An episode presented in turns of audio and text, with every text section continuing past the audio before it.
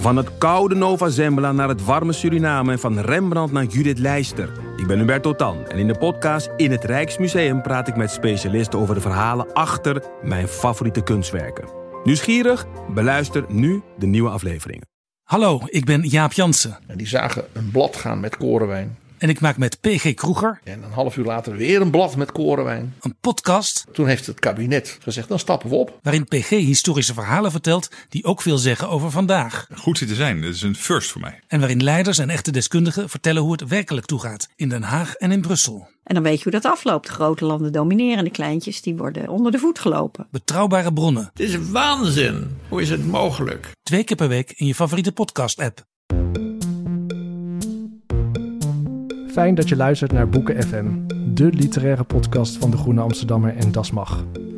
Wil je nooit meer een aflevering van ons missen? Neem dan een abonnement op ons in jouw podcast-app. Zo ben je als eerste op de hoogte als wij weer wat nieuws te vertellen hebben. Wij doen ook vreugdedansjes als we een mooie recensie of gouden sterren van jullie krijgen in jouw podcast-app. En je helpt je medemens omdat wij dan ook beter zichtbaar zijn in hun podcast-apps. Zit je met een vraag of heb je opbouwende kritiek voor ons? Mail dan naar boekenfm.dasmag.nl. Why are you speaking English? Well, What- what's going on? What are you doing? your right, Joost. hey! Okay, Bob, take it away. Yes! Eindelijk is het dan zover. 2020 is het jaar van de nieuwe Hilary Mantel. Elf jaar na het verschijnen van Wolf Hall, deel 1 van de Cromwell-trilogie, Bring Up the Bodies, deel 2 in de trilogie verschenen in 2012. Mantel won voor allebei de boeken de Man Booker Prize, een unicum. En dan nu is er deel 3. De Spiegel en het Licht, The Mirror and the Light, in het Nederlands vertaald door Tessa Postuma de Boer en Nanja Toebak. De trilogie over Thomas Cromwell, de staatsman en vertrouweling van Henry VIII, is nu eindelijk compleet. Ik moet eerlijk bekennen dat het mijn eerste kennismaking was met Hilary Mantel. Maar door, de, door het enthousiasme van mijn mede-presentatoren was ik om en ben ik om en ben ik alles gaan lezen. Vandaag bespreek ik haar oeuvre, de trilogie, en of zij misschien wel voor de derde keer de Man Booker Prize moet winnen. Met haar grootste fans, hier in Nederland in ieder geval, dichter en literair columnist Ellen Dekwits. Mental, mental. en adjunct hoofdredacteur van De Groene Amsterdammer en schrijver Joost de Vries. Ellen, Ellen. Hallo Bob, hi Hallo. Joost, hi Hallo. lieve luisteraars. Ik hoop dat jullie allemaal een beetje gezond zijn. Zijn wij hier allemaal nog een beetje in orde, lieve mensen? Ja, eigenlijk. Eh, ja, onder, door alle, onder- ondanks alle omstandigheden gaat het eigenlijk wel, eh, wel oké. Heerlijk, heerlijk. Joost ook dus? Ja, helemaal. Ja. Het voelt Ja. wel heel fijn om nu eindelijk deze podcast te doen. Ik heb het idee dat in die paar seizoenen dat we nu podcasts maken, dat we met zo'n grote regelmaat, als er vragen worden gesteld, dat zeker Ellen en ik weer gewoon eindeloos Hilary Mantel gaan promoten en zeggen van nou, lees dat boek eens. En als ik ziek ben, dan wil ik Hilary Mantel lezen. Of als het kerst is, dan is dit het ultieme kerstboek. Of weet ik veel wat. Ik bedoel, het is wel heel fijn dat al die aanbevelingen nu eindelijk een keer gewoon serieus rustig het over haar te mogen hebben. Ja, en Ja. het is ook wel grappig, want het wordt ook eh, in de winkel, komen jullie, als er iemand een boek van Hilary Mantel koopt, komen jullie eigenlijk zo ook steeds als eh, oorzaken naar boven. Oh, ja, we liefje. hebben, we hebben Ellen en Joost gehoord over Hillary, dus we gaan ook maar eens beginnen. En het gaat of, of het nou gaat om Wolf Hall of iets anders van haar. Het is eigenlijk altijd omdat, ze, omdat de klant jullie hebben gehoord. Nou, dat, dat, dat, dat, dat vind ik leuk en verontrustend tegelijk. We zijn een soort influencers geworden. Ja, we zijn een beetje de Anna Nusjins van het boekenvak. Daar zullen we dan ook naar, daar zullen we ook, eh, ja, ons naar gedragen. Ja. de lat Als jij dan hoog. Lucien bent, dan ben ik eh, Danny Roelvink. Oké, is dat, eh, is dat een heel goed. Ja. heel goed. Maar eh, eh, Joost, ik zei al, het, is het was mijn eerste kennismaking eh, met Hillary. Ik had veel van haar op de plank zien staan en het kwam ook echt wel vaak voorbij. Eh, maar ik, op een of andere manier had ik het nooit opgepakt. Eh, nu wel. Maar kun jij ons en de luisteraar iets meer vertellen over Hillary Mantel? Ja, Hilary Mantel, gewoon zo'n, eh, ja, of gewoon, dus heel weinig gewoon aan haar. opgegroeid in Noord-Engeland, een beetje ongelukkig verhaal. ongelukkige ouders, ongelukkige familie, ongelukkige gezondheid. Ze trouwde relatief jong. Ehm, met een man die eh, ja, de hele wereld overging uh, als geograaf, geloof ik, om onderzoek te doen. En zij gingen een beetje achteraan, niet helemaal wetend wat ze met zichzelf aan moest.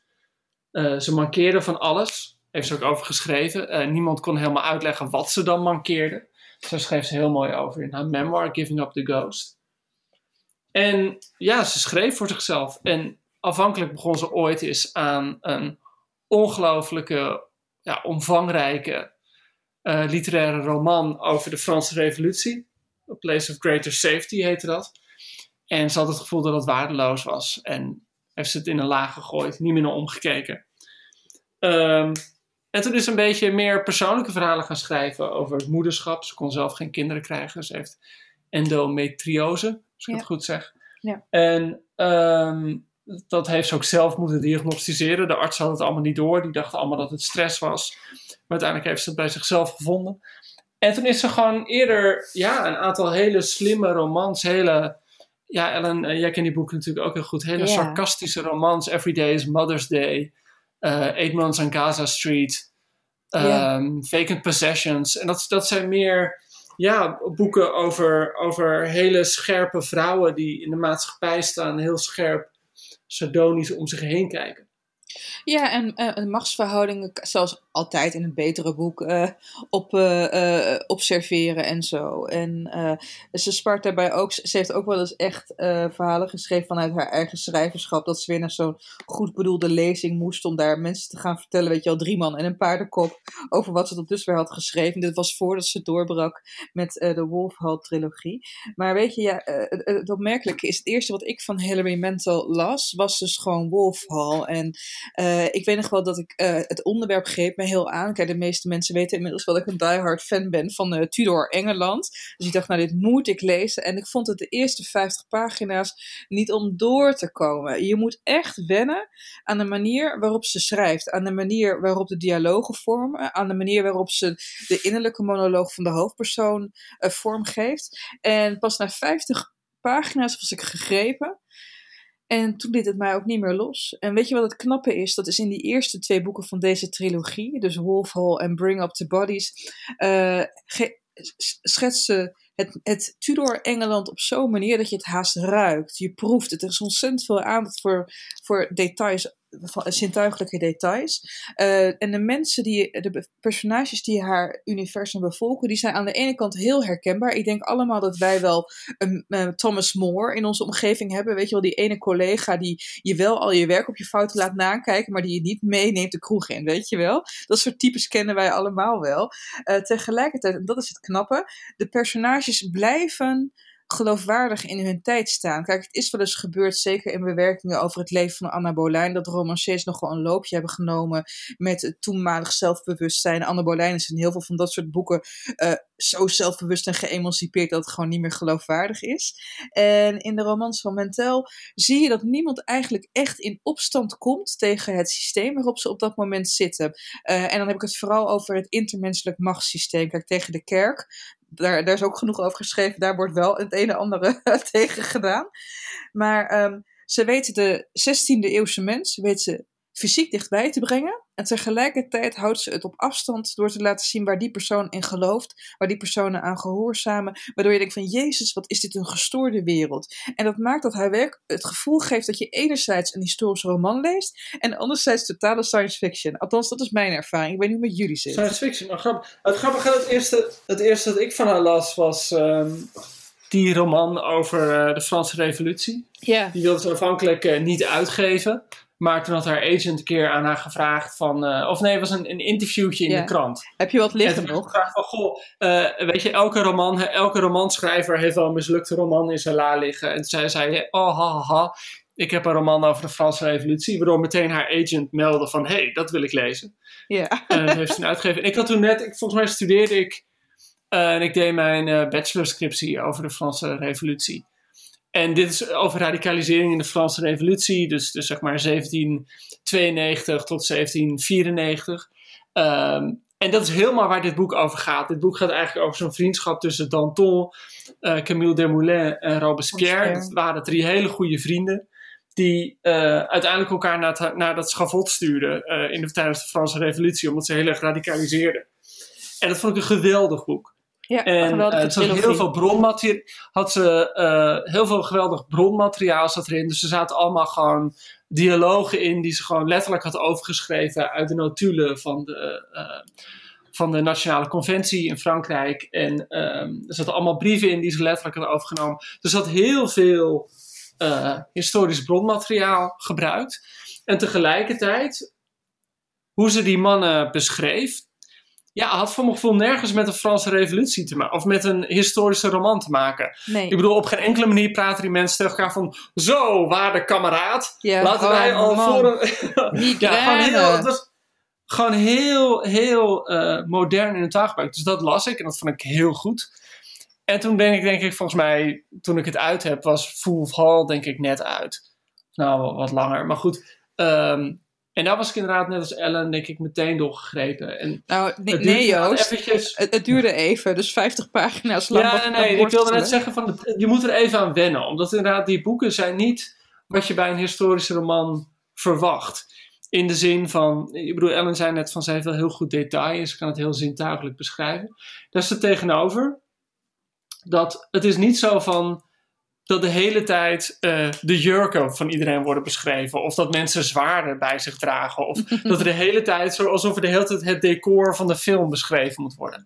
Het is eigenlijk gewoon heel, ehm, ja, heel direct. Je zit meteen helemaal in Thomas Cromwell. Ja. En uiteindelijk, ja, is dat gewoon haar grootste ontdekking. Ze zei zelf dat ze eh, opeens het idee kreeg van Wolf Hall dat ze wilde gaan schrijven. En dat ze meteen helemaal zijn stem te pakken had vanaf de eerste zin. Ja. En dat is wel echt iets dat je door dit hele boek, door die hele reeks, die drie dikke boeken heen, wordt meegesleurd.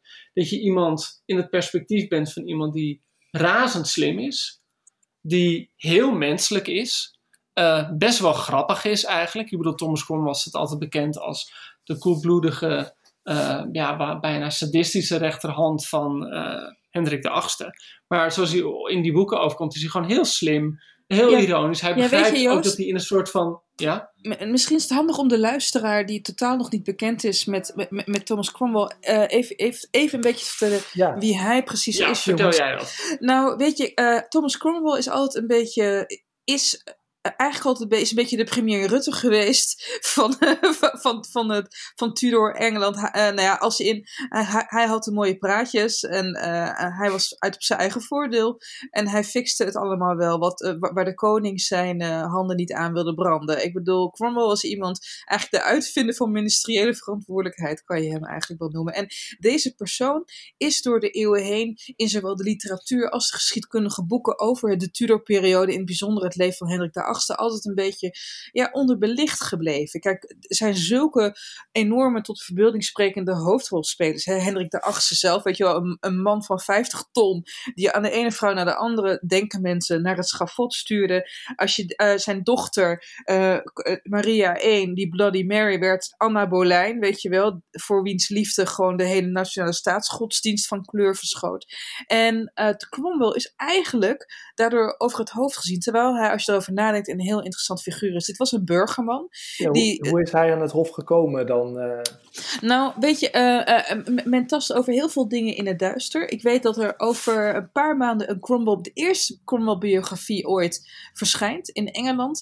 En ehm, men, men vermoedt dat juist het feit dat hij een burger was, eh, ervoor zorgde dat Henry vertrouwen in hem had. Want aan dat Tudorhof was het eigenlijk altijd de hele tijd een potje risk met de adellijke families. Dan waren de Boleyns weer eigenlijk aan de macht, omdat hun dochter Anna en daarvoor trouwens hun dochter Mary met de koning in bed lag. En die verdeelden alle goede baantjes onderling. Nou, de val van Anna Boleyn was de val van de familie Boleyn. Toen kwamen de Seymours in de opkomst. En ik denk dat het voor iemand als Hendrik VIII ook handig was om iemand te hebben die totaal geen ehm, belang had bij het bevoordelen van de ene adellijke groep ten opzichte van de ander. En daar komt bij dat als je kijkt naar hoe hard Thomas Cromwell werkte, dat was gewoon echt een databank. Dat was, eh, weet je wel, de advocaat des vaderlands. Die man kreeg alles gedaan. Het was een begenadigd diplomaat. Het was gewoon iemand die heel veel kon. En, Nou, het eh, was denk ik ook wel iemand waar, waar Henry zichzelf mee wilde identificeren op een bepaalde manier. Dat, Oh, echt waar, Joost? Eh, een koning het- met een burger, hoezo dan? Nou, ik denk dat het hiermee te maken heeft. Ik bedoel, dat eerste boek, Wolf Hall, begint met een heerlijke scène van die, of een heerlijke scène, echt een, een hele heftige scène van een jongen die helemaal verrot wordt geslagen door zijn vader. Zijn vader is een smid en hij trapt de jongen bijna dood. En die jongen is Thomas Cromwell, een eenvoudige jongen. En hij vlucht en vervolgens gaat het boek 20 jaar, 25 jaar later verder. En in die tussenliggende tijd heeft Cromwell, is hij naar Europa gevlucht. Hij heeft in de Italiaanse oorlogen meegevochten. Hij heeft in het Franse leger gezeten. Hij In bij- Florence in het bankwezen in gewerkt. Florence. Hij heeft in eh, België bij de grote bankiers gewerkt. Het is gewoon iemand die een ongelooflijk stoer, avontuurlijk leven heeft gehad. Nou, en zo komt hij terecht bij Hendrik de VIII. eh, een koning die enorme illusies van zichzelf heeft. Die zichzelf ziet als een soort oorlogsvorst. Terwijl hij zelf amper eh, ooit zijn zwaard heeft hoeven trekken. En die komt dan opeens met ja, ja, krijgt hij te maken met een man die in alles gewoon een man van de wereld is. En ik denk dat hij dus heel erg, dat, dat voel je ook wel, die, die vriendschap, dat zit zeker in dat, dat eerste boek en dat tweede boek, die soort van ontluikende, ja, bijna kalververliefd, ja, een beetje een soort van kalverliefdeachtige bromance tussen die mannen, waarin op een gekke manier de koning heel erg opkijkt tegen Cromwell. En volgens mij is het daarin dat Cromwell gewoon de stoere man is die die koning zelf zou willen zijn. Nou, dat, dat, dat komt- voor mij niet zo heel erg naar voren. Ik denk vooral, kijk, dat Henry is in deze boeken. En misschien moeten we zo meteen langzamerhand ook het ook gaan hebben over eh, dit deel. Eh, Henry is in de boeken natuurlijk ook een rasopportunist. Als eh, iemand niet zijn zin doet, een van zijn wetsdienaren, dan, sluit hij hen op, dan bedreigt hij hen, dan stuurt hij hen naar het schavot. En basically is Henry gedurende die boeken één grote kleuter. En als hij zijn zin krijgt, dan laat hij andere mensen de consequenties ervan opknappen. Ook al moeten de meesten dat met hun leven eh, bekopen. Maar ehm, eh, e- even voorafgaand aan de bespreking van dit laatste deel. Hè. Ik, ik ga ervan uit, Joost, dat jij deel 1 en 2 van de trilogie geweldig vond. Ja, vond ik echt, het behoort voor mij echt de beste boeken die de laatste twintig jaar zijn verschenen. Zonder ik- twijfel. Ja, ben ik met je eens. Vond je eigenlijk Bring Up the Bodies nog beter dan Wolf Hall? Nou ja, daar zat ik over na te denken. Bring Out the Bodies is het dunste deel. Dat is gewoon het, het deel dat, en dat is denk ik het bekendste uit de geschiedenis van Hendrik VIII. Namelijk dat hij zijn eh, vrouw eh, Catherine heeft verlaten. Eh, daar is hij van gescheiden, dat mag niet van de katholieke kerk. Dus heeft hij de katholieke kerk uit Engeland getrapt. Eh, dat is de Engelse reformatie in feite. Ja, En hij is met Anna Boleyn gegaan. En Anna Boleyn kan hem geen zoon schenken. Hij kijkt, is eigenlijk uitgekeken op Anna Boleyn. En eh, ja, verzint of verzint, al dan niet verzonnen, zorgt hij ervoor dat ze eh, wegens hoogverraad te dood wordt veroordeeld. En dat regelt Cromwell allemaal voor haar. En dat, dat gedeelte, die dood van die val van Anna Boleyn, zit helemaal in dat tweede deel. Bring Up the Bodies. En Anna Boleyn is natuurlijk gewoon een vast... Ik bedoel, dit boek, we hebben het over Thomas Cromwell, maar Anna Boleyn is natuurlijk een ongelooflijk interessant personage in de handen van Hilary Mantel. Heel slim, heel gevat. En ook iemand, en dat vind ik heel mooi gedaan. Kijk, eh, jij zei net al, van het gaat op een bepaalde manier heel erg over die, die adel die risk speelt aan het hof met elkaar. En mannen doen dat omdat ze nou, de wet hebben, omdat ze geweld hebben, omdat ze eh, hele fysieke, eh, concrete macht hebben. Maar die vrouwen hebben ook macht. En die macht is seks. En die macht zijn huwelijken. En die weten heel goed hoe ze, dat, hoe ze die mannen ook kunnen gebruiken. En, en dat vind ik denk ik het fascinerende. Dat, dat ze van Anne Boleyn, waarvan in de geschiedschrijving vaak wordt gedacht van... Goh, dat was een soort van eh, zielige vrouw die het ook maar allemaal overkwam. eh, maakt Hilary Mantel echt een hele, ja, geslepen Nou, eh, agent, als het ware. die gewoon heel goed weet hoe ze de koning bespeelt. En eigenlijk ook wel weet tot, hoe, ze, hoe ze Cromwell bespeelt. Ja, juist. Het is natuurlijk wel waar dat Anna Boleyn wel soms is gezien als die speelbal. Maar kijk, zeker de afgelopen 200 jaar, ook als je kijkt naar opera's waarin het personage Boleyn naar voren komt, dan wordt wel ook gesuggereerd dat zij sterk haar eigen plan trekt. Hè? Dus niet de Hilary Mantel is niet de eerste. Ook als je kijkt naar, het is toch meer een kasteelromannetje, The Other Ballin Girl van Philippa Gregory. Daarin is dat natuurlijk ook al super berekend. Maar wat ik zo boeiend vind, in heel de meeste romans die ik heb gelezen over de Tudor-tijd, is Anna Boleyn de dikke heldin, weet je wel? En slachtoffer van het patriarchaat. En je merkt gewoon in de Wolfhall-trilogie dat Mantel echt gewoon do- door, door als hoofdpersoon Cromwell te kiezen, moet ze van Bolijn wel echt een kreng maken. Die de hele tijd eh, Cromwell's naam bijvoorbeeld verkeerd uitspreekt. Die alleen maar zeurt, weet je wel. En desondanks is ze grappig, gevat, gemeen. Weet je, het is een beetje de gedroomde Virginia George uit Mean Girls. Dat is een beetje hoe Anna Bolijn in deze boekenreeks wordt gezet. En grappig is ook, dit wordt haar niet in dank afgenomen. Hè? Anna Bolijn heeft... Maar dat is denk ik wat ik bedoelde hoor. Ik bedoel, het gaat me niet om dat ze slachtoffer, dat het gewoon een zielig kind is. Maar inderdaad, normaal is ze slachtoffer van het patriarchaat. Hier is ze gewoon slachtoffer van haar eigen ambities. Zij speelt gewoon het spel. Onder andere. En, eh, ja. en, ze, en, ze, en ze verliest het. Dat is gewoon wat het is.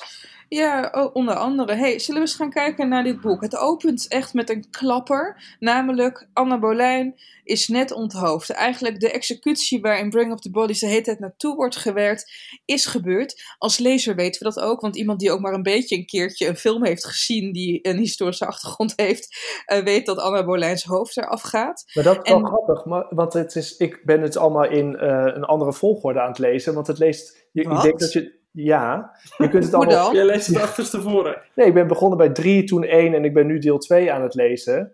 Maar omdat je Oh. weet eh, eh, dat deel 3 begint met de onthoofding van Anna, eh, leest deel 2 toch wel echt heel anders. Dat je toch je, dat je veel meer spanning voelt. Of misschien, hè, misschien weet je dat wel als je de hele geschiedenis kent, zoals jij, Ellen, dat, dat Anna het met de dood moet gaan bekopen. Maar als je dat niet weet, dan leest deel 2 toch wel, eh, zou je dat anders kunnen lezen. Maar het is, ik vind het, je kunt het prima op deze manier lezen eigenlijk. Het is even eh, een mindset, maar ik, eh, ja, dat vind ik wel heel knap gedaan aan haar boeken. Hmm, Oké, dus wat jij eigenlijk zegt, is dat ze los van elkaar ook waarde hebben. Ja, zeker. En toen ik begon aan deel 3 dacht ik echt van wie is wie en ik weet het allemaal niet. Maar als je eenmaal in het verhaal zit dan, en je laat dat los, dan is het echt prima ook gewoon los te lezen. Jongens, we hebben dus nu een- twee delen al gelezen. Hoe verhoudt dit deel? Vinden we het beter? Vinden we het sle- is het anders? Blijft het niveau begon- constant? Toen ik, het, toen ik het boek las, eh, dacht ik, er is iets aan de hand. En het begint mee, en ik dacht van, goh, wat is het? Ik vond die eerste twee boeken op een bepaalde manier heel, ja, opgewekt is misschien een gek woord.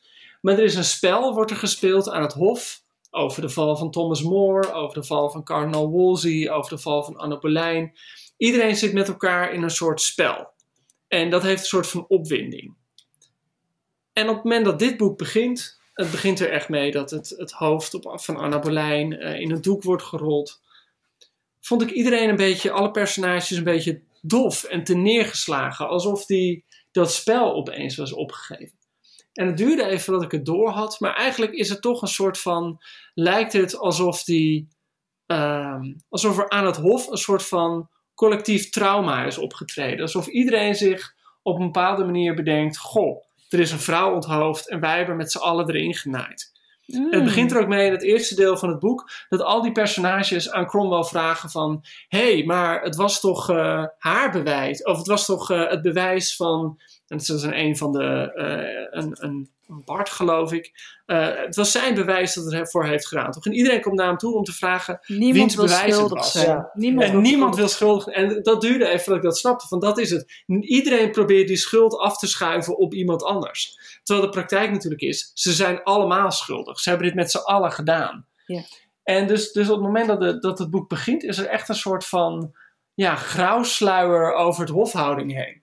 En Ja. deden de personages daardoor af voor jou? Of dacht je van... Nee, nee, nee. Ik bedoel, het, het, maar het was, het, er zat dus een soort echt een andere dynamiek in dan eh, die in Bring Up the Bunny zit. Dat is veel spannender. Dat werkt op zo'n hele slimme manier naar die val van Anne Boleyn toe. Dat is bijna een thriller eigenlijk. Ja. Eh, Een soort, soort ja, eh, gewoon die hele aanklacht en hoe bewijs je het en eh, hoe, of hoe, hoe beïnvloed je de getuigen. En op het moment dat dit begint, is iedereen echt aan het hergroeperen en gewoon zijn wonden aan het likken. Nou, hergroeperen is echt een goed woord inderdaad. Want je ziet ook al die oude families die denken van kak. Hij is dus in staat om de één na hoogste edele van het land, de koningin, een kopje kleiner te helpen te maken. En je ziet ook door al die geschokte reacties dat niet iedereen gelooft dat ze heel erg schuldig was, om het zo te zeggen. Dus, dus, dus, dus, dus de, de, de, de sfeer is grimmiger. Ja, en heeft het ook te maken Ja. dat ze bang worden voor hun eigen leven? Ja, denk ik wel. Joost? Ja, dat denk ik ook. En wat er denk ik ook meteen al vroeg in het boek zit, is dat je ziet dat Cromwell zijn werk te goed heeft gedaan. En dat vind ik wel fascinerend. Eigenlijk heeft de koning, eh, Hendrik eh, de Achtste, heeft aan Cromwell gevraagd van bewijs, zorg dat er bewijs is dat Anne Boleyn is vreemd gegaan. En eh, zodat ik van haar af kan komen. En dat zegt ook een van de personages in het boek tegen hem. Je hebt je hebt te veel bewijs verzameld. Hij heeft er eigenlijk voor verzameld dat ze niet alleen ja, één keer is vreemd gegaan, maar met gewoon allemaal mensen is vreemd gegaan. En met de broer is vreemd gegaan. En met uh, de troubadour en met de luidspeler. Eigenlijk, en eigenlijk heeft hij haar zo vreemd laten gaan dat gewoon ja, de koning een soort van lachertje is. Ja, ja goed. Uh, dus daar, daar begint al een soort van eerste breuk tussen de koning en uh, Cromwell te komen. En heeft hij dat bewust gedaan, denk je, om ook, uh, uh, om ook de koning toch een soort van uh, schop te geven? Van, nee, daar is Cromwell veel te berekenend voor. Althans, daar is de Cromwell bij Hilary Mantel. Die speelt te erg op safe. Al is het opvallend dat hij verderop in het boek. Je merkt ook dat die nervositeit die aan het hof begint te heersen zodra Anne Boleyn is omgebracht. Mhm. Dat hij ook grip krijgt op hem. Op een zeker moment wordt hij opgepakt hè, door de politie. Dan gaat ook het, uh, ja, de, de, trial tegen hem beginnen. En dan denkt hij in zichzelf van kak. Ik had nog even een mes moeten meesmokkelen in mijn uh, ja. lange mouwen.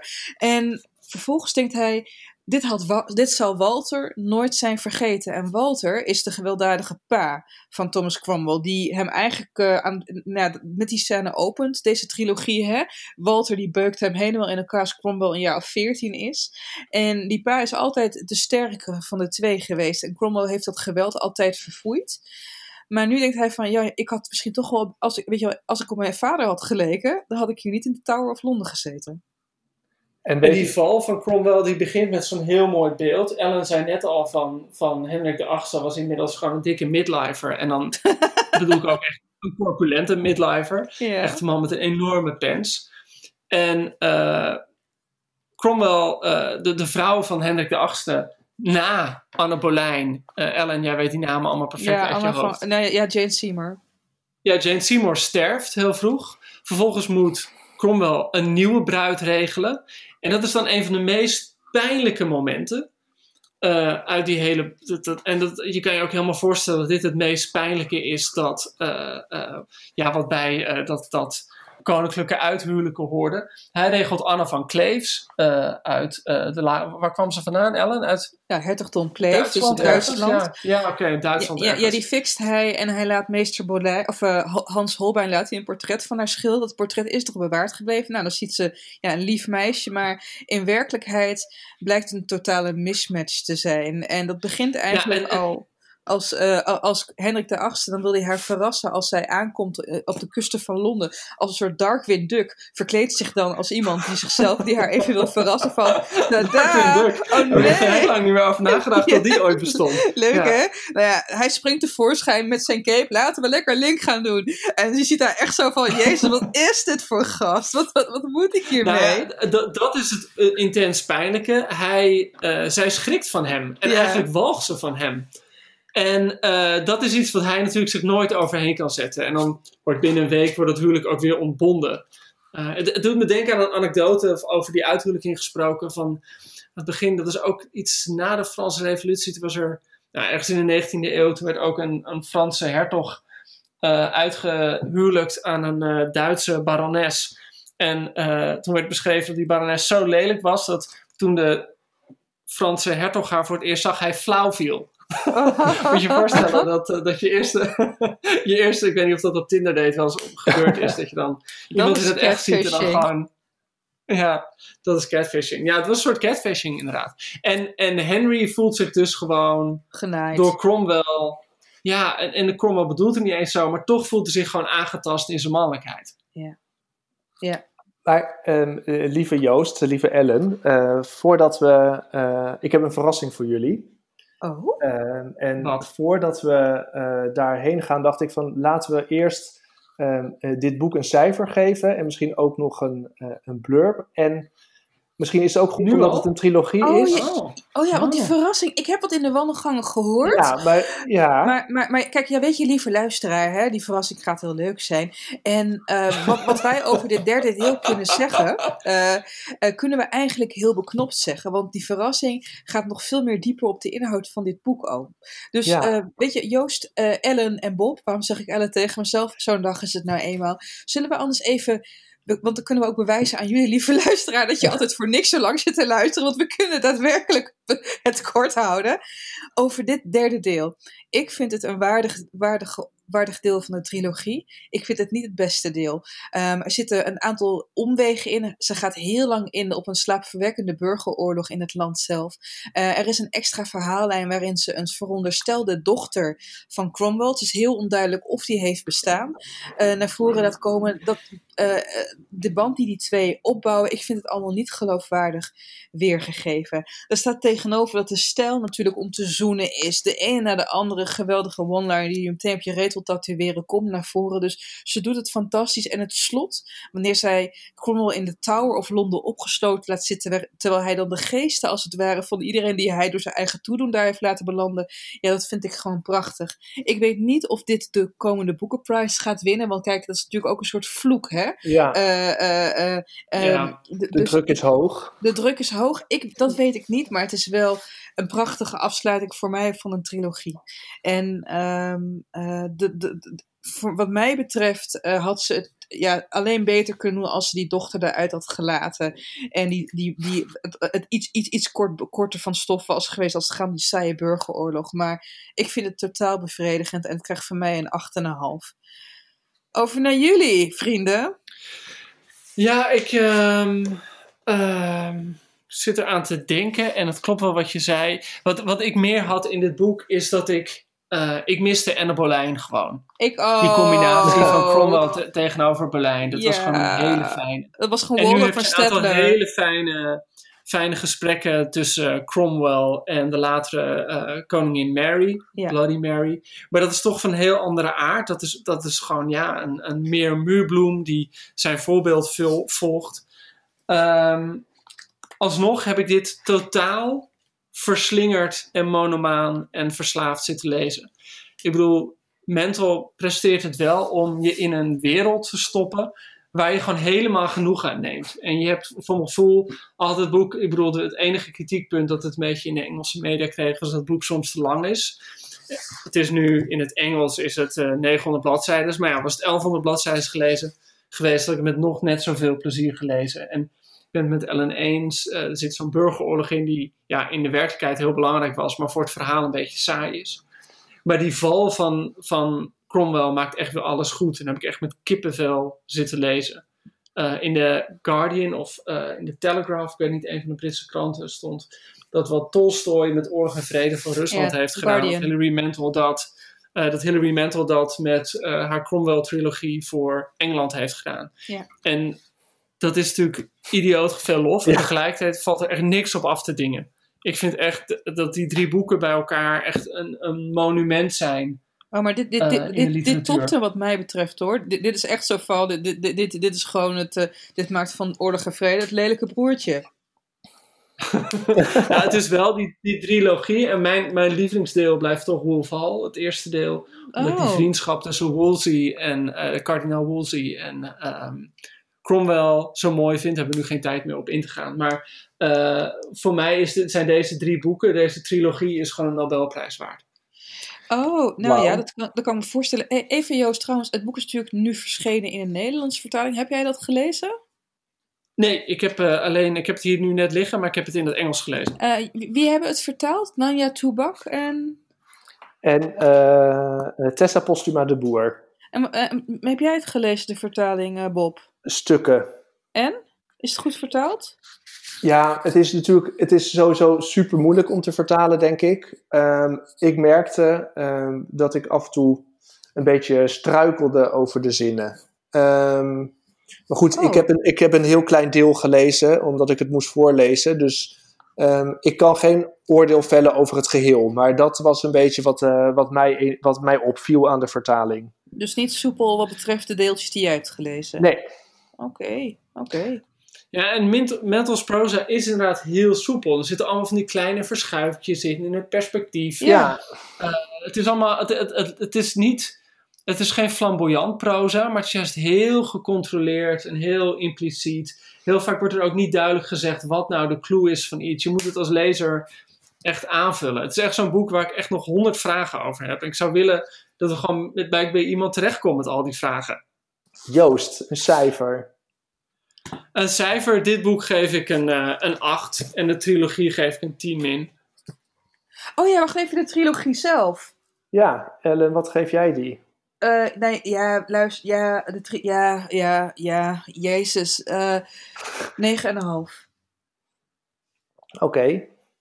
Ja. Eh, ja, ik vind, eh, eh, ik denk dat ik eh, voordat ik begon met de andere twee boeken, eh, dit boek een 8,5 had gegeven. Omdat ik het waanzinnig eh, goed vond. En super mooi inkijkje in het Engeland van die tijd, waar ik eigenlijk helemaal niks van wist. Het is inderdaad wat Ellen ook zei, je ruikt het, je voelt het, je ziet het voor je. En dat vind ik echt ontzettend knap gedaan. Maar nu ik eh, deel 1 heb gelezen, Woelvol, en eh, deel 2 aan het lezen ben, denk ik toch dat die delen net iets beter zijn.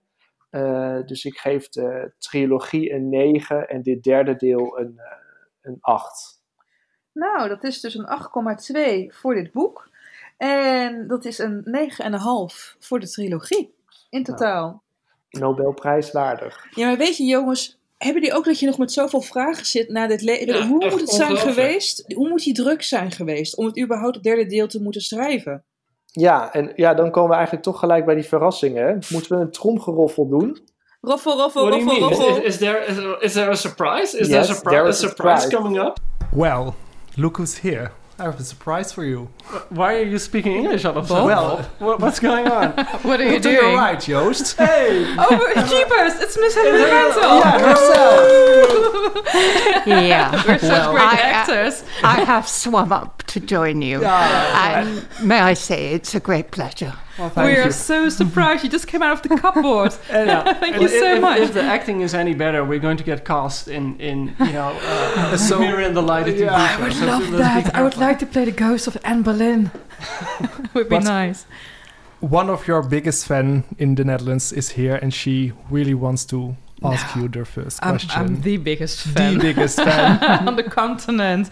Yes, well, thank you so much for this lovely novel. I really, really loved it. I'm not saying this to get answers.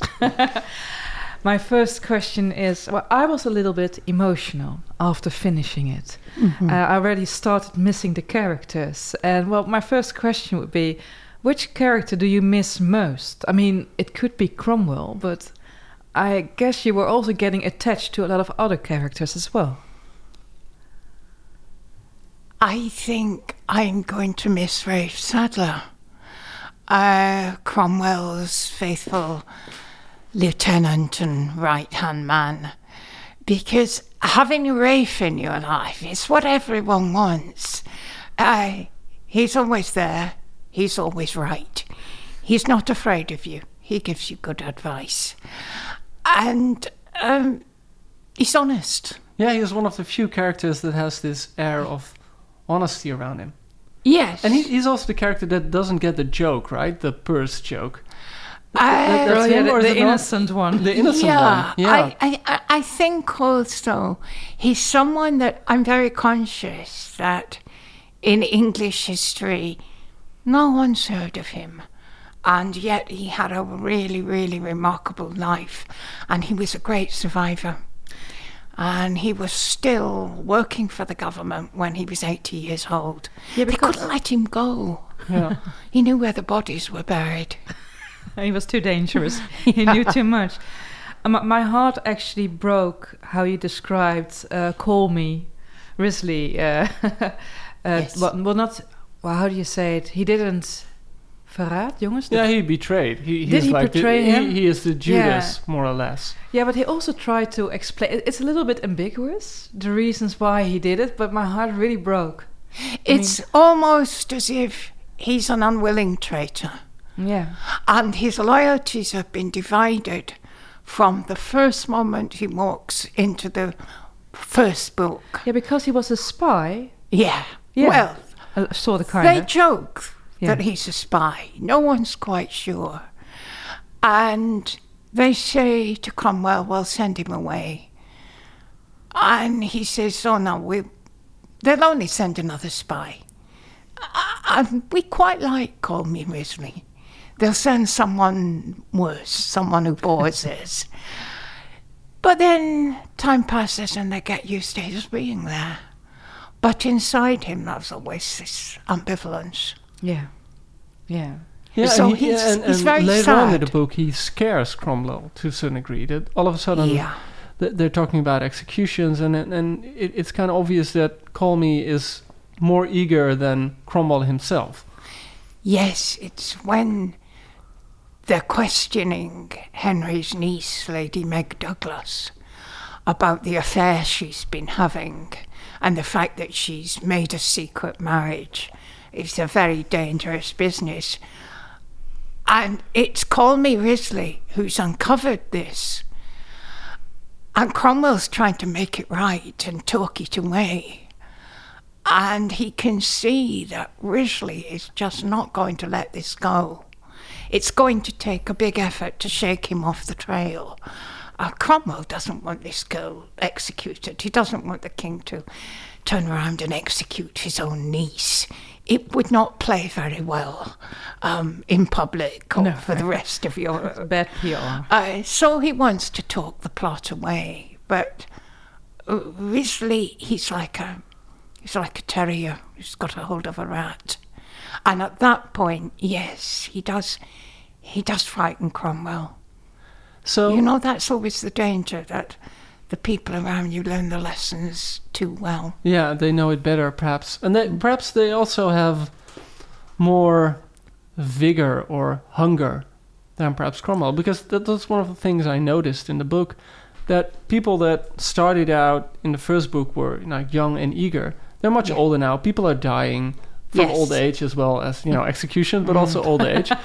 and do you think perhaps Cromwell also, I don't know, perhaps lost his appetite, or or had his stomach filled with with everything that he's accomplished and all the I things think he's done? he's seen the frontiers of the possible.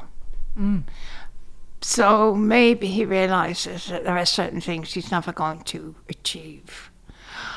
But his appetite for honours, for more jobs and positions, More money. more money, he can't afford for that to be blunted because he always has to keep up with people like the Duke of Norfolk with the prestige, the money, the old family. So even if he wants to stop, he can't. You can't retire from working for Henry VIII. Yeah. Uh, or at least not not from Cromwell's position. No, you, no, you can't. Um, talking about the Norfolks or, or the, the Howards more specifically. Yes. Um, I know you are very thorough when it comes to investigating the era. You know, y- y- you've read every biography, you've read every book, but um, the verses that Tom Truth, the horrible poet, wrote. Yes. Did you make them up yourself? Because I can't imagine those were like. How can you imagine? I would make those up myself. because it would be so much fun. but I, I'd make them better.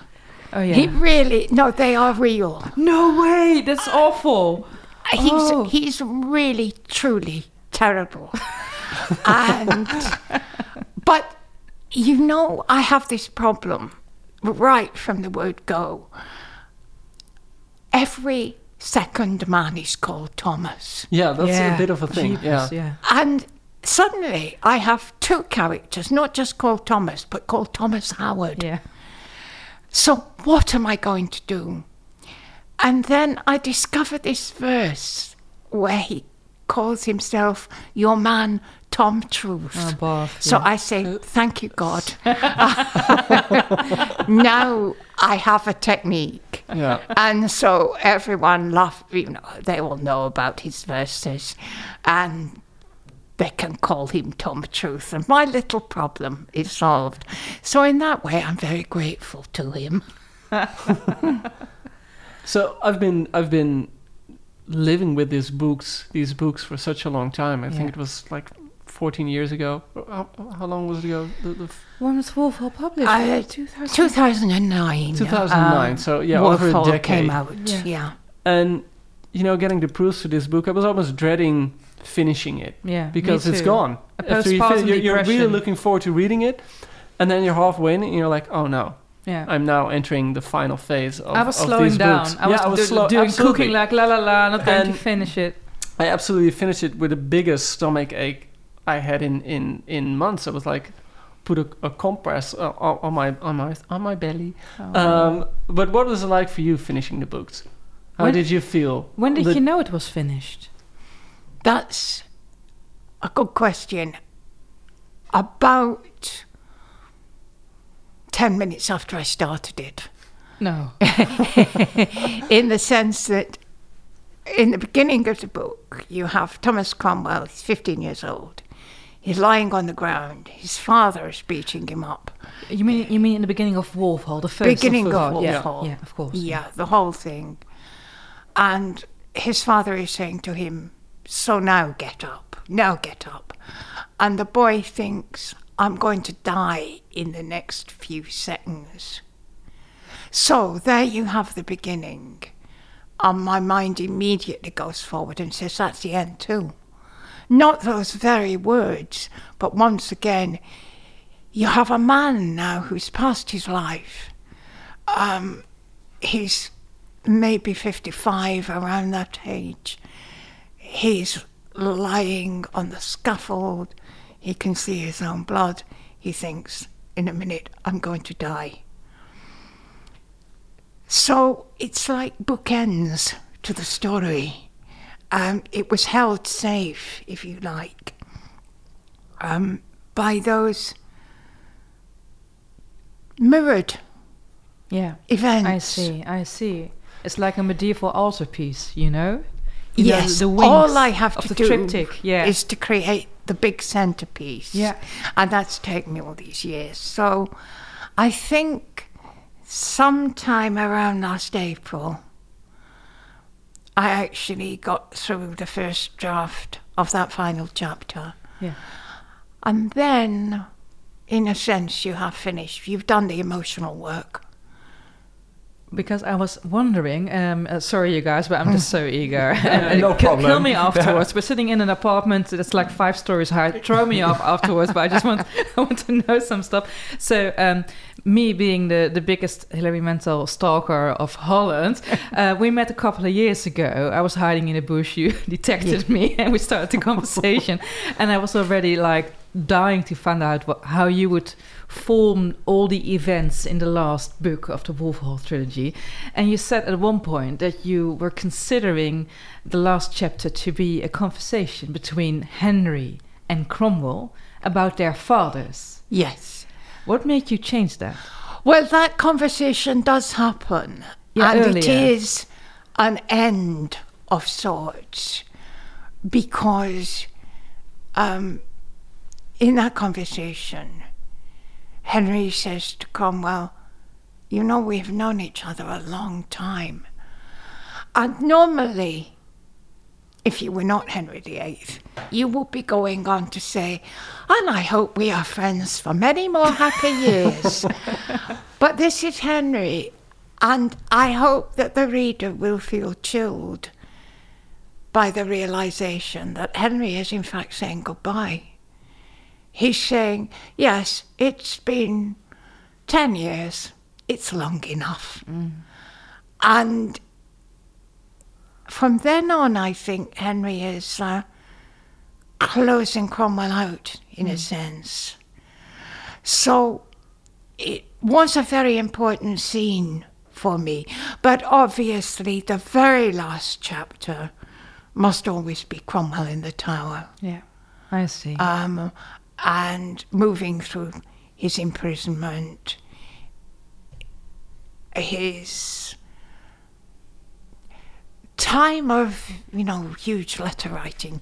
The king mercy, wants mercy, mercy. the king's still, still keeping him at work. Yeah. You know he wants the evidence to get his divorce. to end his fourth marriage. So Cromwell's going to provide that evidence.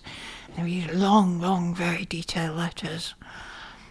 So I think that in a formal sense, the book had to be structured that way. Yeah, I see. But also, the conversation between Cromwell and Henry is still going on.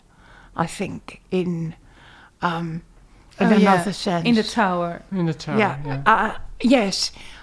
And even after the book's ended, because Cromwell is dead, and a couple of months later, Henry is saying to his ministers, Look what you made me do. Yeah. He's Yeah. so you awful. made me execute Thomas Cromwell. Yeah. And he was the best servant I ever had. He won't take the blame himself. But he's in in dialogue, you might say, with Cromwell's spirit. Yeah. Uh, so many times he's going to say, I wish you were here. Just like Cromwell and Wolsey. Yeah. Yeah. Ah, Wolsey I is, is going to say constantly that. with yeah. him. to Yeah. Yeah. I like that. I really Yeah. like that. At, at what time do you think that that's one of the things I was thinking about a lot reading the book because you know it's going to go towards the downfall of Cromwell. Yeah. And I, I was wondering at what time does he realize it himself that it's going to happen? Because he's usually one or two steps ahead of Henry. And of course, you see in this book that after um, after the, the, the death of uh, Anne Boleyn, things are morose. Everyone is kind of shocked by what they did. Um, everyone is implicated in that murder, more or less. And new problems arise uh, with his uh, daughter Mary, with the, the um, rebellion in the Mhm. country, and now with this not so great marriage match Mm. uh, with Anne of Cleves. And I was constantly, at what time is, is Cromwell realizing that he might have played his, his final hand? I think in the spring of 1540, uh, he was arrested in June and executed at the end of July. I think that in April, he thought it's finished. And the first signs are there in the record when the most vulnerable members of his household are the young children who sing in the chapel. Hmm. Singing children. And he gives the singing children £20 each. And he has them taken home to their parents. And this is a sign of a man who's thinking, if I'm going to make an exit, I will make an orderly one. Mm-hmm. So I will take care of my household. Yeah. And at that point, I think he has realised that his great enemies, Stephen Gardiner and the Duke of Norfolk, have made a temporary alliance to bring him down. He's always been strong enough for one or the other. When they get together, and also the French are backing the movement to bring Cromwell down but it's going on at an international level. I think then he probably feels this is the end. But then Henry probably can't bear the smug look on the faces of the Duke of Norfolk and Stephen Gardiner. So he gives them each a slap, as it were, and makes Cromwell the Earl of Essex. And suddenly Cromwell is on top again. But it can't last because I think the forces working against him are too strong by that time. And there's no way out of the marriage with Anne of Cleves that doesn't cause a major problem. Yeah. Uh, it's a lose lose situation for Yeah. everyone. Did you think he was- Except Anne. Except Anne. Yeah, She, she did very got nicely. loaded. Very nicely out of her divorce Yeah. settlement. Yeah, she Yeah. got a major Uh, crib. Yeah. Yeah. she didn't have to bed with Henry VIII anymore. I mean, Yeah. happy face. Yeah. I think she was actually called his sister afterwards, right? That's right, and he Oh, welcomed her back to court. ending. What? He welcomed her back to court. Yeah.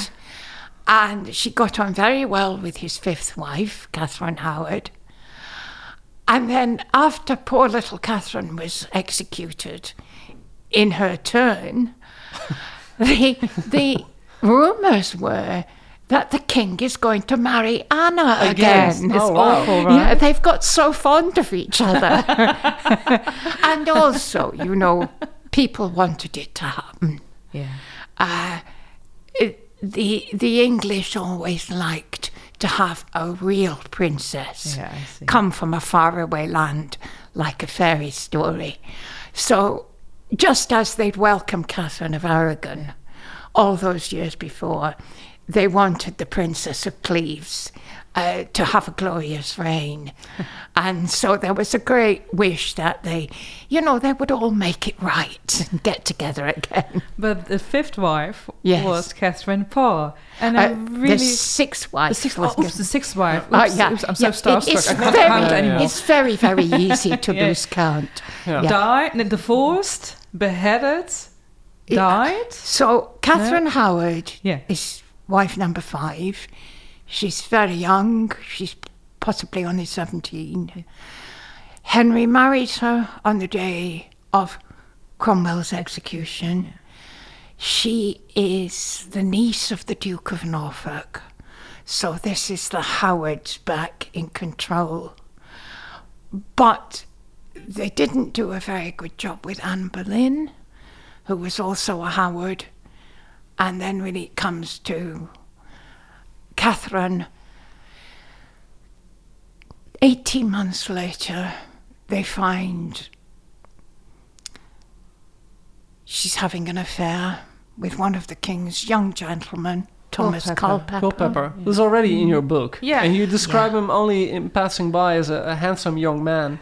So you're kind of foreshadowing of, of Yeah, but I, uh, I love I love how subtle you are because the, also Catherine Parr, Lady Latimer, is also. Oh, Oh, That's very clever. I Oh, wow, love how she's yeah. making cameo. What am I? They're so no, stupid. no, we spoke about this earlier. That, Really? And Hilary said that only the really, really good reader will recognize the recognize I her family it name. so much, and it- this is a lot of kudos and, and props Oh, to you. thank you so Yeah. much for congratulating us with okay. No, no, but, but, but all jokes aside, I really like what you did to Catherine Parr. I was actually hoping like you're going to write a spin-off series.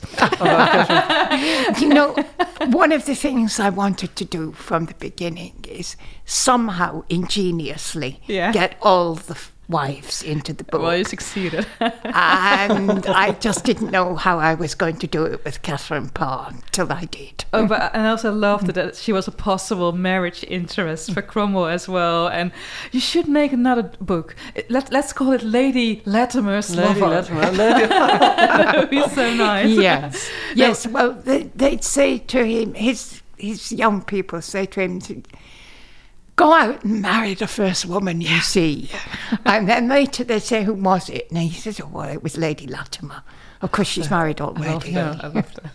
but it's funny though that uh, you mentioned that because we tend to think as and, and you wrote about it a lot that you know uh, princesses should get married and being married is like a political force. Yes. And all of a sudden the tables are turned and everyone is pushing for a man to get married. Yes. Uh, why why didn't Cromwell why didn't he want to get married? Because people are constantly telling him get married, and uh, you know his staff is saying like, marry the first woman you see, get it over Yes. with. And and then it will stop these rumours Yeah, about because there's so much rumours about him, yeah. to marry the king's daughter, which are so dangerous for him. I think um,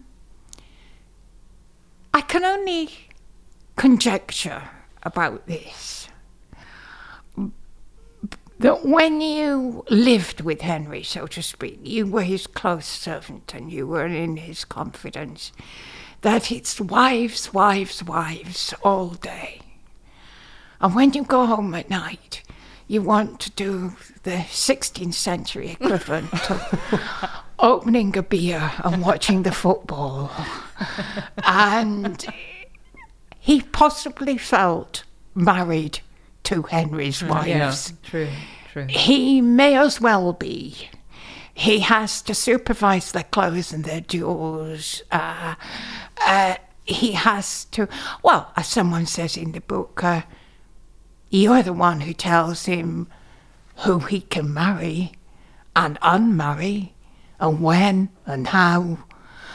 So, um, that's all I can posit.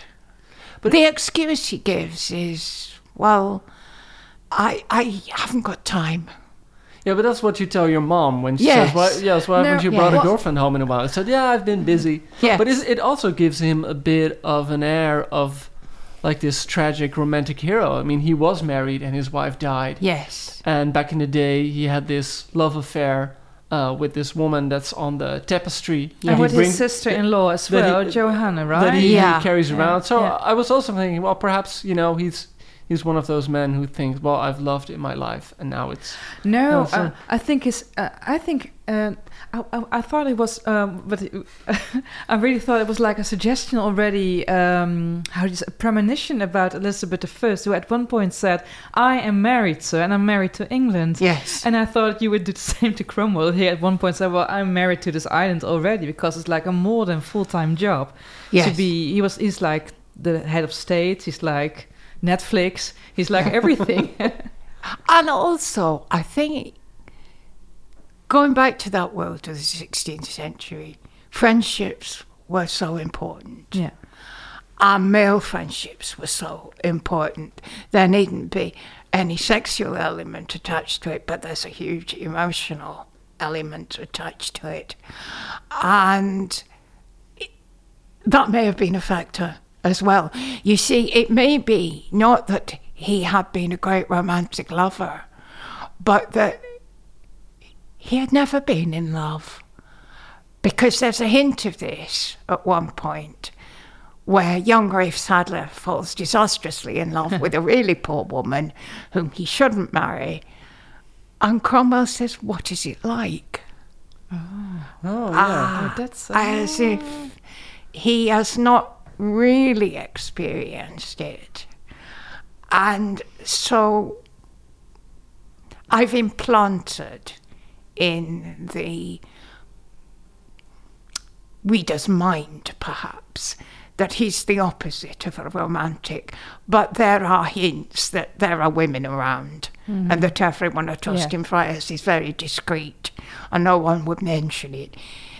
He did, in fact, well, now, He has what's a a one night fact? stand, right? He had an illegitimate daughter. Yeah, it Yeah. turns up. in the- Now, not the girl who turns up in the book. In fact, he had a little daughter called Jane who probably dates from the period after his wife's death. Yeah. So he had some sort of relationship at that time.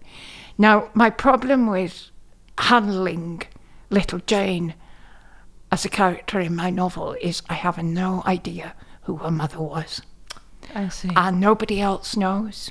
And any guess I make will be wrong.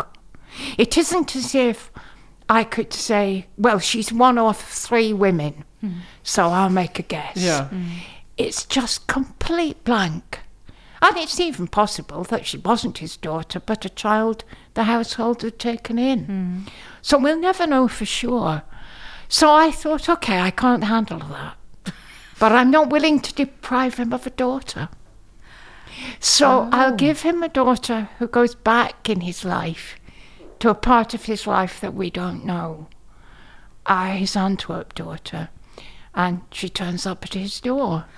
I read, but but there are there weren't any recordings of of an existing daughter in Antwerp. No. Wow. That's that's it's Okay. the biggest fiction in the book. Be- be- Because because you are so thorough when it comes to being, you know, you, Yeah. you you you you once told me it sounds like we go to the sauna every week, but you once told me in the sauna that you actually uh, look at the diaries of the courtiers, what were Oh. they were doing on which day. Oh, I, I, as far as the record Yeah. goes, Yeah. yeah, I, I go over it very, very thoroughly, um, because it's out of the record, and those particular tiny details that your really good ideas come. I think. I think so too. Ah. But in this case, my biggest fiction, Anselma and her daughter, the Antwerp daughter, was caused by the failure of my fiction because I couldn't cope with the idea of not knowing who the mother of little Jane was. If I had made something up, then it would have impacted on every part of the book because it would have changed all Cromwell's relationships with his son, Yeah. for example. And it's the consequences go cascading through the book I see. I of see. uh, an unchecked invention that something that can't possibly be true. So I wasn't willing to write something that couldn't possibly be true. Uh, so I created.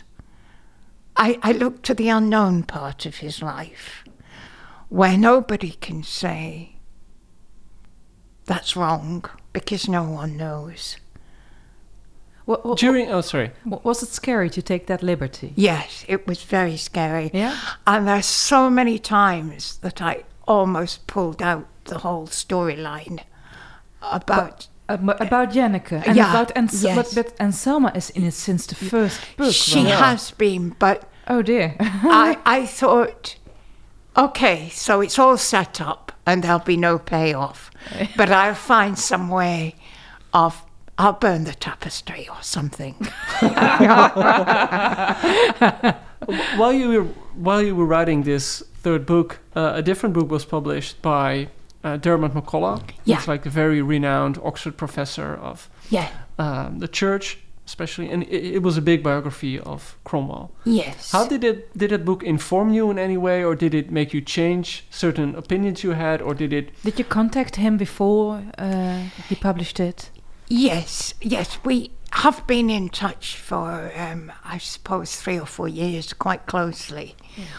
During the time he's been writing the biography, and I've been writing um, this last, this last part of the trilogy, and uh, he's been very open, very generous in sharing information with me. It was really too late to influence the mirror and the light. It's just, if he happened to have written it 10 years ago, my task would have been a lot easier because here you would have a biographer who, for the first time, someone is seeing the Cromwell that I'm seeing. And that would have been so good for my confidence as a non historian. And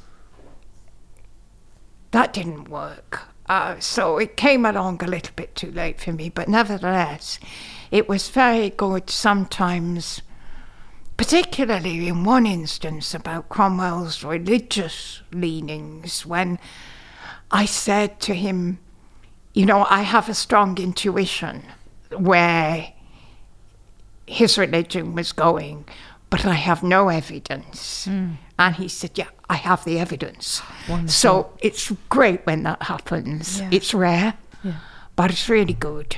And um, it has been a very profitable exchange of ideas because he said that the way that Wolf Hall had worked on his thinking was Cromwell's relation with Wolsey.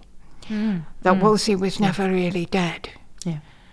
And actually, I think this is a fact, so to speak, because if you look at a lot of Cromwell's initiatives in government, people take them to be completely new, and they're not. You can see the genesis of them in Wolsey's policy, mm, mm. Wolsey's methods.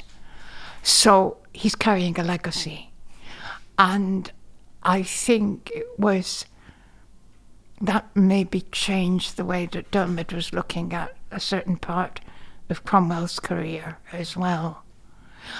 Also, it humanises him Yeah, it does.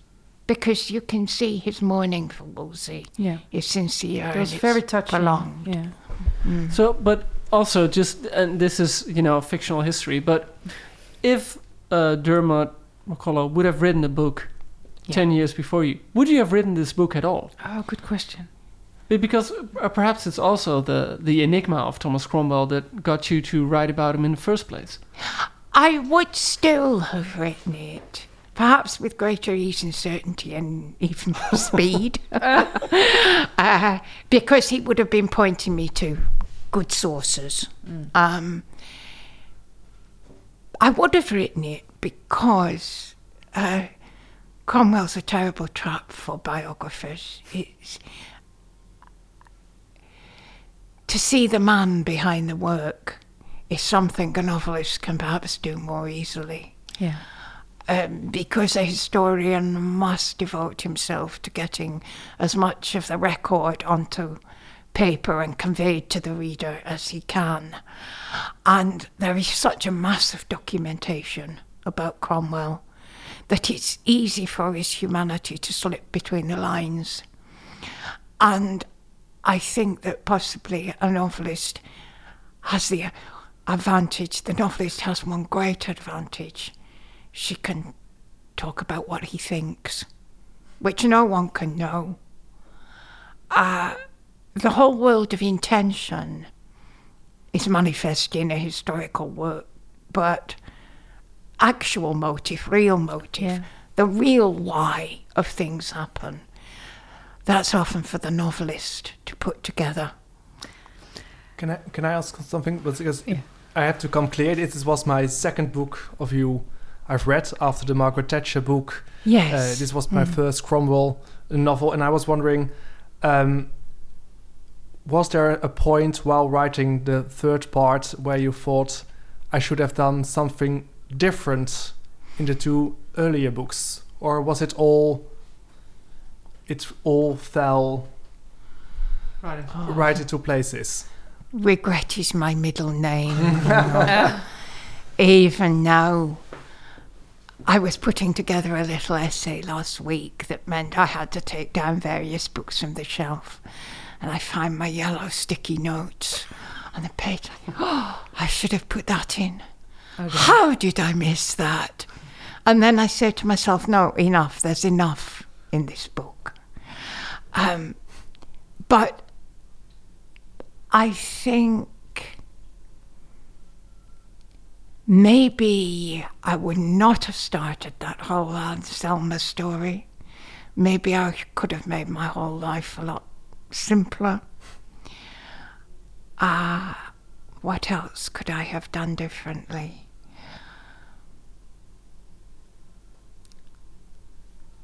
It is as it is. I have to live with it now. I didn't know I was going to write three books. That's the only thing. You didn't? No. I thought it was intended as a trilogy. Well, it's really flattering that you think oh, that. Oh, wow. Well, I, But- I'm a big flatterer. no one was more surprised than me when I began to write about the end of Thomas More. And I thought, um, actually, this is a book. The reader doesn't want to carry on after this. um, I do not want to carry on. The book is already heavier than four normal novels. Yeah, it is. For goodness sake, let's end it with Thomas More. And I'll write another book. And then no one was more surprised than me when I got to the death of Anne Boleyn. and I thought, that's another book. Just at the point where the title came to me Bring Up the Bodies. Oh, wonderful. I thought, that's a title, and this is a book. But but um, when you finished bringing up the bodies, and I have to ask this, you guys, uh, you uh, there was already announced that, that there was going to be a third and a final part. Um, then you accidentally won a second Booker Prize. Yes. Yes. And uh, how was the pressure? I mean, everybody's going to ask you this. We're having this conversation uh, for your info in October, dear listeners. No, don't tell. The, Oh, the- sorry. remember We're having live, this in, it's in, live. Mar- in It's a beautiful oh, I see spring the birds day, out. and the Stop birds now. are I'm sitting here in my underwear. It's so hot. but how how was it to do? Was there any pressure? I mean, your first two were like they got to Booker Prize, so expectations are very high. How did you manage that? Well, I think when you're writing day by day. You just forget it. You forget there was ever a, um, th- there was ever a world out there where prizes mattered or people were judging the book. You almost forget the reader in a sense. It's you and Cromwell, and you've got your problems and you've got to fight through them. And every day throws up its new chances to do something good and new problems. You're so fixated on the page before you that it didn't strike me that I should worry about these expectations. Now, of course, well, we're still, can I say, we're still months away from publication, but um, uh, it feels as if the book is out there already. The level um, of interest and activity is already very high. Um, but as far as I'm concerned, the Booker Prize, it has been a very affirming, confidence building process. And I think it's because I was in the course of a work that I didn't have to stop and say to myself, Oh, I've won this big prize, so how will I follow it? It was quite obvious. There was only one thing I could do. Yeah. Next bit of Thomas Cromwell. Uh, and that held me safe. And sane. and sane, yes. I mean, I think it has been for some authors very destabilizing. And also, you know, you win that prize, in a sense, you need never write again. You can spend your life going around the world Yeah. being the Booker Prize winner. Yeah. But that doesn't interest me at all. I just want to do something better. Mm-hmm. I, or I want to do something bigger. I want to find out where the frontiers are. Something bigger. Yeah. More, more, than Yeah. three, more than three books. Not necessarily in size. it's not all size, Joost. But I want to um, keep pushing away at the limits of what I can do. Because with each book, there's a little more uh, technique, a little more craft. And I got this wonderful opportunity to work in the theatre, to work on the theatre adaptations. And that was going back and being a beginner. And that's a wonderful opportunity to get when you're in mid career. And not many people get that. And it sharpened me up as a writer. And it was like getting a new toolkit. And it really helped with the third book. Because when I got into these big, big, dense scenes, And then I would say to myself, okay, so suppose you had to do this in the theatre. and each, you've got two people here, they've got six lines each. What do you do? And then it makes you bring the scene right down to its essence. And from then, you know, from there, you've got something workable, then you can let it breathe. And I found it so comforting to have that technique at my command. Also, it made me conscious of my characters moving in space, if that doesn't sound Yeah, I see what you mean. mysterious. Yeah. No, no, I see what you mean. It's, it's lit- Yeah. you mean literally. Yeah, Yeah. I, in that I took to doing drawings of them. I really position everyone in the room. Really? Did you make Yeah. storyboards? Uh, yeah, Oh, exactly. really? Oh, wow. Yes. Um, I have a whiteboard. And also, I just get lots of paper. I have a lot of coloured pencils, so it's great. Oh, wow. It's like going back to being six. It's really messy. and um, yes, I would draw the people. I would learn a lot from where they position themselves. Are you a good drawer, actually? No, terrible. Oh, it's just, it's just like a stick figure. Stick figure, yeah, because it's it's speed, you know. Yeah, And then you throw the paper away, and then they've moved. Yeah. Um, One day they're all going to be published, right? Like the, Yeah, the, the graphic wanted to novel, bid on Wolf them. Hall, the graphic novel, all stick figures. yeah, except for Henry, it's like a big avocado or something like that. Yeah. I used to enjoy drawing Henry. It's Really? true. Sometimes I would do him in considerable detail, so I could give him a really nice jacket. Yeah, and, and the red hair. And, He is yeah, king yeah. after all. He's the king. Yeah. and and what about frontiers? I mean, you really liked how working in the theater pushed your own frontiers of your Yes. craft. Yes. Uh, can you already give us a little hint of what your next project is going to be? Well, my next project's the adaptation of the play. Oh, Uh, of course. oh, I'm sorry.